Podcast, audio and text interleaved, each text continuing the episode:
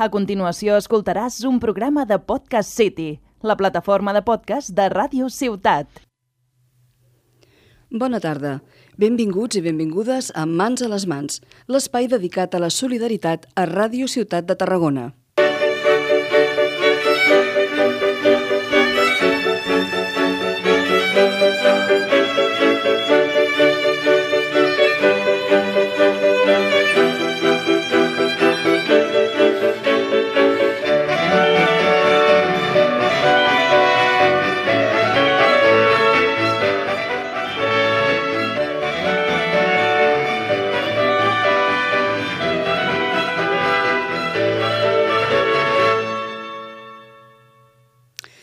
És el líquid vital, vermell i amb un regust metàl·lic, que s'ha basat a Mars al llarg de la història de la humanitat quan els homes, de forma justa o injusta, han perseguit un propòsit.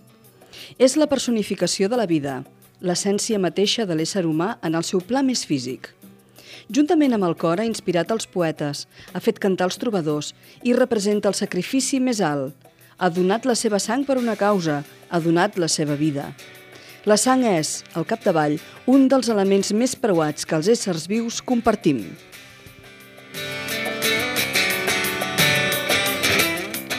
Donem-li una definició científica. Què és la sang? Doncs bé, la sang és un teixit format per diversos components amb característiques i funcions diferents. Els glòbuls vermells, les plaquetes i el plasma. Els glòbuls vermells transporten l'oxigen des dels pulmons a tots els teixits de l'organisme. El seu dèficit, anèmia, provoca una manca d'oxigen en els òrgans vitals dels malalts. Les plaquetes intervenen en la coagulació de la sang, tot impedint les hemorràgies causades per lesions que habitualment es produeixen en les artèries, en les venes i els capilars. El dèficit de plaquetes, que és freqüent en malalties com la leucèmia i després d'alguns tractaments del càncer, provoca l'aparició d'hemorràgies greus. Finalment, el plasma és un líquid transparent i lleugerament groguenc que representa el 55% del volum total de sang. En el plasma hi ha suspeses les cèl·lules sanguínies, glòbuls vermells, glòbuls blancs i plaquetes. Està format per aigua en un 90%, per sals minerals i una gran quantitat de proteïnes que vetllen pel bon funcionament del nostre cos, entre les quals destaquen les immunoglobines, defenses que protegeixen de les infeccions, els factors de coagulació que són responsables, juntament amb les plaquetes, d'aturar el sagnat quan ens tallem. L'albúmina, una proteïna que transporta hormones i fàrmacs cap als teixits.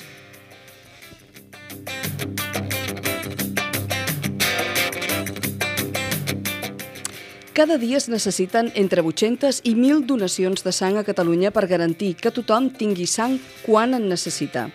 Avui, a Mans a les Mans, parlem de la donació de sang.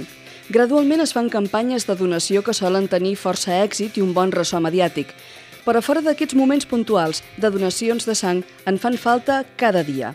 Avui, a Mans a les Mans, parlem de la donació de sang. Per fer-ho, hem convidat a la doctora Núria Vilanova, que és la coordinadora de donacions de sang a Tarragona i a les Terres de l'Ebre.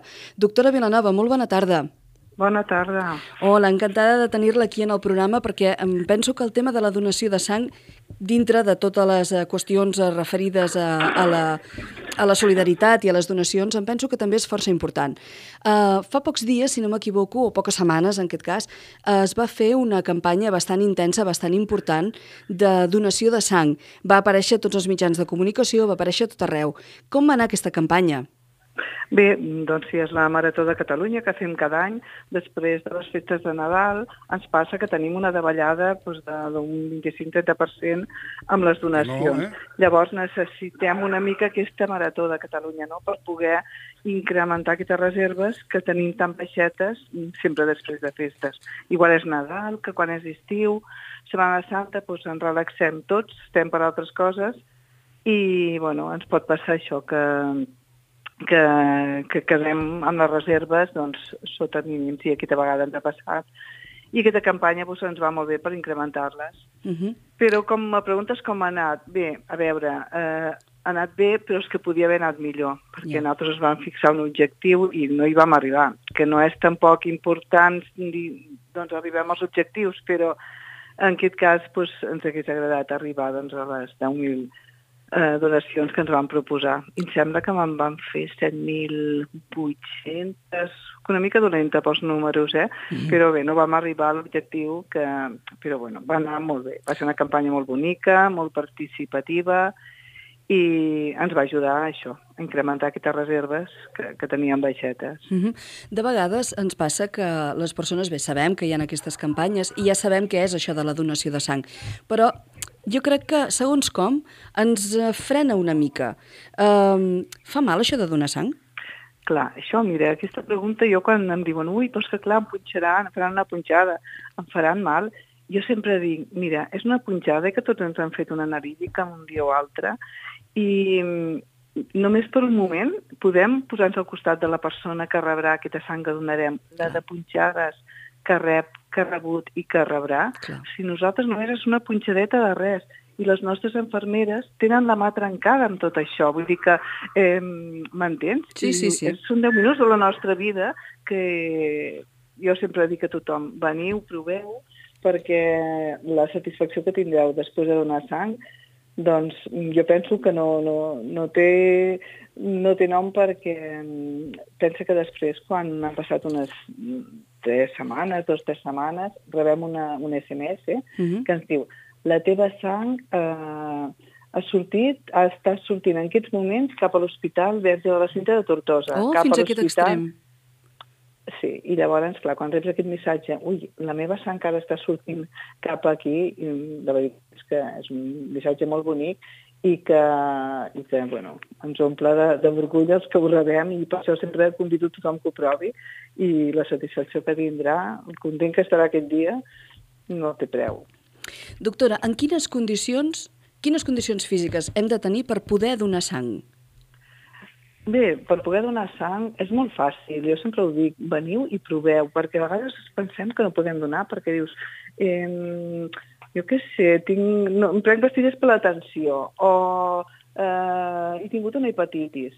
Eh, I mira, si prens pastilles per l'atenció i la tens controlada, pots donar sang eh, si has tingut una hepatitis de petit, la hepatitis A, pots donar sang. Vull dir que això sempre dic, veniu, perquè és molt fàcil donar sang. Si et trobes bé de salut i mm, peses més de 50 quilos, si ets dona que no estiguis embarassada fins que el bebè hagi tingut 6 mesos, és molt fàcil, jo sempre dic, si has fet un tatuatge només han de passar quatre mesos, perquè a vegades dius, ui, no, perquè jo m'he fet un tatuatge i no puc donar més. No, no, sí, pots donar quan hagin passat ja quatre mesos. Uh mhm. -huh. No sé, jo penso que és molt fàcil. I uh mhm. -huh. les condicions físiques és això, tindre moltes ganes, ser solidari, altruista, pensar que salvarem a tres vides, perquè d'una bossa de sang traiem tres components, uh mhm. -huh. les plaquetes, el plasma i els globus vermells, i, i bé, mm, jo crec que això és una, un, animar molt a les persones de que si no ho han provat que ho provin que se sentiran superbé. Doctora, explica'm una miqueta més això de, de que amb, amb una sola donació de sang podem salvar tres vides. És a dir, es pot d'alguna forma descompondre la sang? Descompondre amb aquests sí. tres factors em refereixo, eh? Sí, sí, sí. Aquesta sang nosaltres ara quan anem de campanya amb, amb algun lloc, no?, de, de, de campanyes allò que anem als pobles o a les empreses. I llavors, aquesta sang se'n va cap a Barcelona. Uh -huh. De Barcelona se'n va al, al nostre, a la nostra central i allí és on la separen. Tenim unes màquines, un tipus per dir-t'ho així, una rentadora, no?, que centrifuga i separa. Separen plasma, plaquetes i glòbuls vermells. I d'una bossa de sang traiem aquests tres components. I llavors cada component va per una persona diferent, per una malaltia diferent, i es conserva d'una manera diferent. Uh -huh. I, bueno, més o menys és així com funciona i com, i com va la sang. Caduca la sang? És a dir, un cop l'hem donada... Sí, sí, sí, eh, caduca, tenim... caduca la sang caduca, per exemple, aquests components que t'he explicat, no? Sí. Els globus vermells es, duren 42 dies, els hem de conservar a la nevera a 4 graus i duren uns 42 dies. El plasma el podem congelar i pot durar 3 anys, mm. però les plaquetes només duren 5 dies. Vull dir, mm. que una persona que dona avui sang eh, aquestes plaquetes, doncs, al cap de setmana ja, ja estan transposes. Per això a vegades quan venen ponts llargs o les festes de Nadal o eh, festes així que no, no es va donar sang, patim molt per les plaquetes, perquè pot ser que ens quedem sense plaquetes i sempre eh, estem patint, no? Vinga, que no ens quedem sense, doncs fem plaquetofèresis. Sí, la sang caduca. La sang caduca perquè, jo sempre ho dic, no?, que quan passa una desgràcia, una catàstrofe d'aquestes que, que tenim, no?, atentats, la gent són molt solidaris, tothom ve donar sang. No sé, jo recordo, per exemple, l'atemptat de Totxa que va sí. haver a Madrid, que de cop i volta eh, els hospitals nostres, doncs, jo què sé, a Tortosa, la Gràcia de la Cinta, que era un hospital que en aquell temps doncs, venien 5, 6, 7 persones que hi van vindre 70 persones a donar sang. Okay. A Joan 23 van vindre 300 i pico persones. Clar, va arribar un moment que vam dir, no doneu més sang, perquè la sang caduca. Clar. I cada dia necessitem nosaltres sang. Els van fer signar uns papers amb els telèfons, us trucarem dintre de 40 dies perquè, clar, mm, ens agradaria això, no?, que donar sang fos un fet habitual per, per nosaltres, que no fos només quan un dia veiem que ha passat una desgràcia i dir anem a donar sang, que està molt bé, no?, que siguem solidaris, però que també ens conscienciem una mica que la sang avui per avui no es pot fabricar. Clar. I cada dia, avui, que és el dia 13 de febrer del 2020, pensa que avui hi ha mil persones que han rebut una transfusió de sang mil persones que han necessitat sang. És cada dia que es necessiten mil donacions de sang. I no podem baixar mai la guàrdia nosaltres. Sempre hem d'estar mirant a el... veure com tenim les reserves. No podem baixar mai la guàrdia. Algú de compte que, clar, no, no tota la sang és igual. És a dir, les persones tots tenim el nostre eh, RH i el nostre... Eh, una persona que és A, una altra que és B, una altra que és, sí. eh, eh, positiu, l'altra és negatiu. Eh, és a dir, tenint en compte que hi ha aquesta multiplicitat de factors, sí. normalment mm, es necessita més d'un tipus de sang que d'un altre o són sangs que són compatibles o com, com, com es pot Bé, arreglar cada, això? Bueno, en principi, clar, l'A pot donar l'A, el B pot donar el B i l'O pot donar a tothom, no? Uh -huh. L'A, el B, l'O. Els positius pot donar el positiu i els negatius poden donar els positius i els negatius. Tenim aquesta regla de compatibilitat, no? Eh, sempre hi ha un grup que és el, doncs el que per estadística són menys persones, no? que és l'O negatiu, mm -hmm. i és el grup que, per exemple, ara estem al laboratori, no a l'hospital, i doncs ens diuen d'urgències que necessiten una desesperada, que necessiten sang ja, ja, urgent. Què fem? Què fem nosaltres? No tenim temps d'anar a treure proves creuades de la persona que ho necessita, a veure quin grup té. El primer que, que fem de la nevera és l'O negatiu. Clar. I entre que són menys persones i és el primer que surt, eh, doncs és el grup que a vegades potser heu sentit. Necessitem O negatius perquè a vegades sí que, que tenim, estem baixos mínims de, de negatius i és el grup que es necessita. Però en principi tots els grups són bons i tota la sang que es necessita. Uh -huh. Així com quan ens hem de fer una analítica es recomana anar-hi a primera hora del matí i en dejú, per donar sang ho podem fer en qualsevol moment del dia, havent menjat, sí. no havent menjat, en qualsevol condició? Sí, sí, sí, no, és important eh, al revés, no? que una analítica, perquè traiem un volum de sang, no? traiem 475 mil·lilitres, llavors és important, sobretot haver begut líquids. És important no venir amb dijú, si és a la tarda doncs haver berenat una miqueta. A veure, jo sempre ho dic, no fem la calçotada i ens anem a donar sang, però sí que és important mm, no vindre amb dijú. Sobretot és molt important beure líquids. Uh -huh. uh, avui en dia que la ciència avança, que és una barbaritat, es veu en alguna perspectiva d'horitzó el poder fabricar sang? O tenir, Mira, o, tenir, jo... o, o tenir una certa, uh, no sé si en podríem dir experimentació, una certa compatibilitat, per exemple, sí. amb animals que s'assemblen molt a nosaltres. Utilitzar sí, sang sí. d'animal. Hi ha algun tipus d'avenç en aquest sentit? A veure, s'està estudiant, s'està, la veritat, eh, jo sempre que estic fent xerrades, conferències, ja porto 20 anys i pico, no?, al banc de sang, fent aquest tipus de conferències i explicant no, per què es necessita la sang. I hi ha una diapositiva no, que poses, clar, l'ideal, perquè no passés res de tot això que ens passa, no, de demanar sang, és, és que tinguéssim sang artificial, que la poguéssim fer al laboratori i mira, necessitem tants O negatius, vinga, fem no negatius. I deien que els canadencs el 2025 deien que hi, hi hauria sang artificial. Si jo ho veia tan lluny quan explicava això, pensava, mare meva, i ho deia amb la boca ben oberta, el 2020... Clar, i ara estem al 2020 i penso, eh, si estem quasi al 2025, Clar. i no ho sé, avui per avui, jo no ho veig eh, encara que tinguem sang artificial. Potser sí, no? La ciència, com dius tu, avança molt, però avui per avui l'única manera d'obtindre la sang és a través dels braços de tots nosaltres que podem al braç i, i donem, fem aquesta estació solidària altruista. En principi, avui per avui encara no s'estan fent sí que busquen d'animar, però clar, és que pensa que la sang és un teixit viu, Clar. és un teixit viu i que té moltes funcions, eh, transporta, coagula, està ple d'anticossos, d'elements que, que és tan difícil això, jo crec, de, de, de poder fabricar. Clar. Jo ja et dic, el 2025, la meva humil opinió, eh, penso que no, encara no hi haurà sang artificial. Ojalà que sí, eh, que m'equivoqui, però Tant de bo, jo esclar. encara ho veig difícil. Uh, imaginem, doctora, que avui uh, hi has tirat el braç i he anat a donar sang. Quan podré tornar-ne a donar altra vegada? Quin període de temps ens hem d'esperar entre donació i donació? Dos mesos. Dos mesos. Entre donació i donació ens hem d'esperar dos mesos. I després les dones podem donar tres vegades l'any i els homes quatre. Mm. Jo, però jo, per exemple, sóc dona, no? I puc donar al gener, al març i al maig. Però fins al gener no podria tornar a donar. Ens puc donar tres vegades l'any, que m'ho puc repartir només que passin dos mesos ja puc fer-ho, Mhm. però després no podia donar fins que fes l'any. Avui per avui és així com ho tenim establert. Els criteris nostres són tres, any, tres vegades l'any les dones i quatre vegades l'any els homes. Uh -huh. uh, posem per cas que, uh, el que el, la sang fa un cert camí. Em refereixo a que, comentava, mm, de cop i volta reps un SMS en el que es diu la sang que vas donar tal dia està anant en direcció cap a doncs això, l'Hospital de la Cinta Tortosa.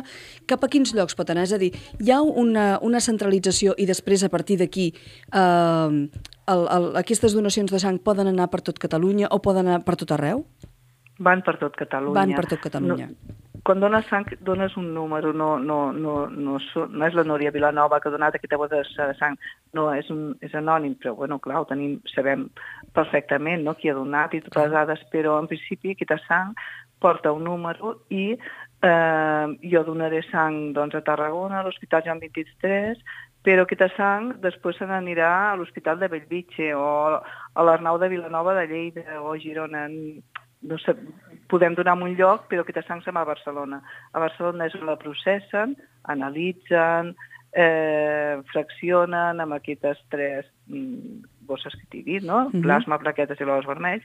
Llavors, cada un d'aquests components se'n va als hospitals. Eh, nosaltres, des de cada hospital, fem una comanda diària, no? Doncs eh, l'Hospital Sant Joan de Reus demana, necessito que m'envieu pues, o- o 8 O negatius, 4 As positius, de, fem comandes de, Mhm. de sang que necessitem. I llavors cada hospital fa la seva comanda i té les seves reserves per si ho necessités i, i bueno, mm, des de Barcelona l'envien. És, I és a nivell de Catalunya. Vull dir que la sang que donem, per exemple, eh, avui, el, que s'han donat en una campanya que hem anat a, a, a Vilarrodona a treure sang, que aquesta sang se'n va a Barcelona, Barcelona s'analitza, s'afracciona i s'envia a qualsevol hospital de Catalunya que ho demani. Per això a vegades te diuen, se'n va cap a l'hospital clínic, se'n va... Clar, Sí, sí, és on sí. va aquesta sang. Uh -huh. um, el lloc que tenim més proper aquí a Tarragona per poder-ne donar de sang és l'Hospital Joan 23? Sí, aquí a Tarragona tenim l'Hospital Joan 23, que estem cada dia de 9 a 2, i dilluns, dimecres i divendres, de dilluns a dissabte estem cada dia de 9 a 2. I dilluns, dimecres i divendres estem també per la tarda de 4 a 8. Uh -huh. Després a Reus estem a l'Hospital Sant Joan de Reus, que estem dimarts, dimecres i dijous, també de 9 a 2, i dimarts i dijous també estem per la tarda de 4 a 8. Uh -huh.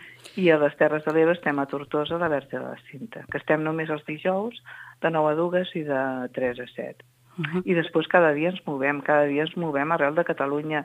Per exemple, a Tarragona, l'últim divendres de cada mes, estem a, davant de les Teresianes, a la Sí. Rambla, amb un autobús. Estem al Sí, dematí la unitat cada- mòbil aquella tan enorme que hem vist moltes vegades a la Rambla. Exacte. Uh. -huh. Doncs el dia 27 de, de març estarà també allí cada mes, a finals de mes la tenim allí els divendres. I, bueno, i cada dia, no?, pues, cada dia ens movem en, arrel de, de Catalunya, entre Barcelona, Tarragona, Lleida i Girona, doncs intentem això, poder fer que mil persones vinguin a donar sang per poder tenir aquestes reserves amb una mica eh, adients eh, a les necessitats. Uh -huh. Pensar que, per exemple, a dia d'avui eh, estem a sis dies de reserves, estem baixets. Nosaltres, per estar tranquils, ens agrada estar entre 10 i 12 dies.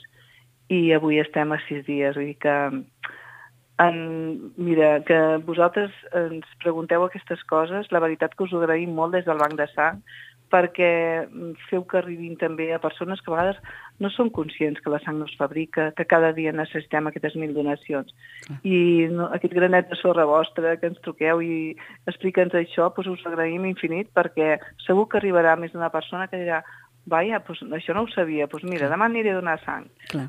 I ojalà que sí, que, Clar, que, que gràcies a vosaltres demà tinguem la sala d'espera plena, que sempre la, ens costa molt d'omplir. Tant de bo que sí, doctora. A veure, una mica el nostre objectiu és aquest, també. És a dir, avui hem après unes quantes coses. Hem après que donar sang és molt senzill i els beneficis que té el fet de donar-ne i les avantatges que té per les persones que realment ho necessiten. Aquest és el nostre granet de sorra des de mans a les mans i des de Ràdio Ciutat de, de Tarragona. Uh, doctora, li agraeixo moltíssim el fet que avui hagi volgut estar aquí amb, amb nosaltres i en seguirem parlant perquè teniu campanyes, teniu visites, teniu tant de bo, tant de bo, tant de bo, una sala d'espera de, ben plena i que aquestes mil donacions eh, al llarg del dia es puguin, es puguin complir. Moltíssimes gràcies a vosaltres. Al contrari, a vostè, doctora, moltes gràcies. Fins una altra. Fins una altra.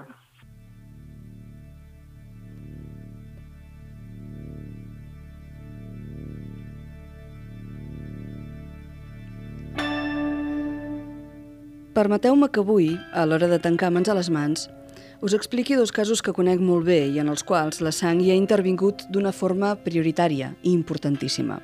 Mireu, el mes de setembre passat, el Salvi estava molt malalt.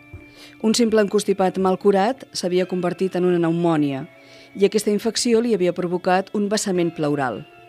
S'ofegava. El Salvi tenia dins el pit tocant a un òrgan tan vital com els pulmons una bomba de rellotgeria. El van atendre meravellosament a l'Hospital Joan 23, primer posant-li un drenatge que li anava netejant totes les hores la cavitat pleural, però no sent suficient amb aquest tractament, finalment el meravellós equip de cirurgia toràsica de Joan 23 van decidir operar-lo. Tres hores va durar l'operació i quan va sortir del quiròfan, el Salvi havia quedat debilitat i anèmic perquè havia perdut molta sang. I la infecció, lluny de remetre, l'havia de tenir encara molts mesos de baixa. Durant la seva estada a l'hospital li van haver de fer fins a tres transfusions de sang. La responsable portava el tresor de la sang dins una bossa que per via intravenosa va anar formant part del salvi, mentre el seu cor l'assimilava i el seu organisme es refeia. La sang, per ell, va ser imprescindible, fonamental, vital per la seva recuperació. Gràcies des d'aquí a totes les persones, professionals meravellosos, cadascú en la seva vessant, que van fer la seva estada Joan 23 una mica més agradable del que hauria estat.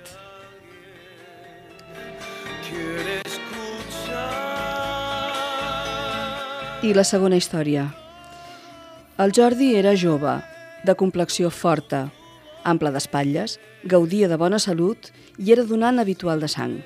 De fet, ell ho era influït per la seva mare, cada 3 o 4 mesos el Jordi passava per la unitat mòbil de recollida de sang i amb tota la calma del món s'asseia a la butaca de donació. Per a ell no representava cap esforç fer aquest acte de generositat i d'altruisme, però a mi em semblava que tenia molt de mèrit i així li vaig fer notar en diverses ocasions. Ell no trobava que fos tan meritós i li traia importància als meus comentaris. Quan tenia 32 anys, un accident de cotxe se'l va endur va deixar un enorme buit perquè era algú molt especial. Passats els mesos, potser fins i tot algun any, un dia, veient la unitat mòbil de recollida de sang, se'm va encendre una llum i vaig caure en la conclusió que el Jordi no era mort del tot, perquè algú, de fet segurament més d'una persona, en algun punt de Catalunya portava la seva sang. I per tant, alguna cosa bàsica, fonamental i vital del Jordi seguia ben viva va ser un pensament molt consolador. Donar sang és donar vida, però també és perdurar més enllà d'ella.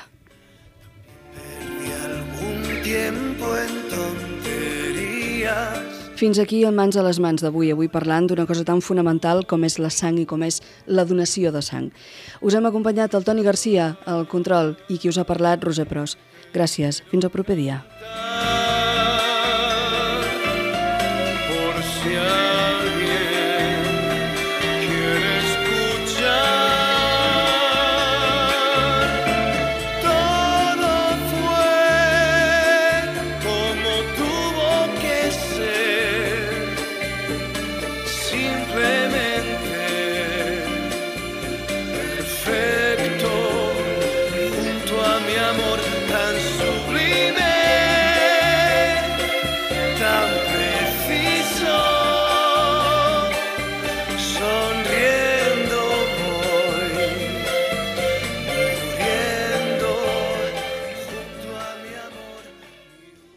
Has escoltat un programa de Podcast City, la plataforma de podcast de Ràdio Ciutat.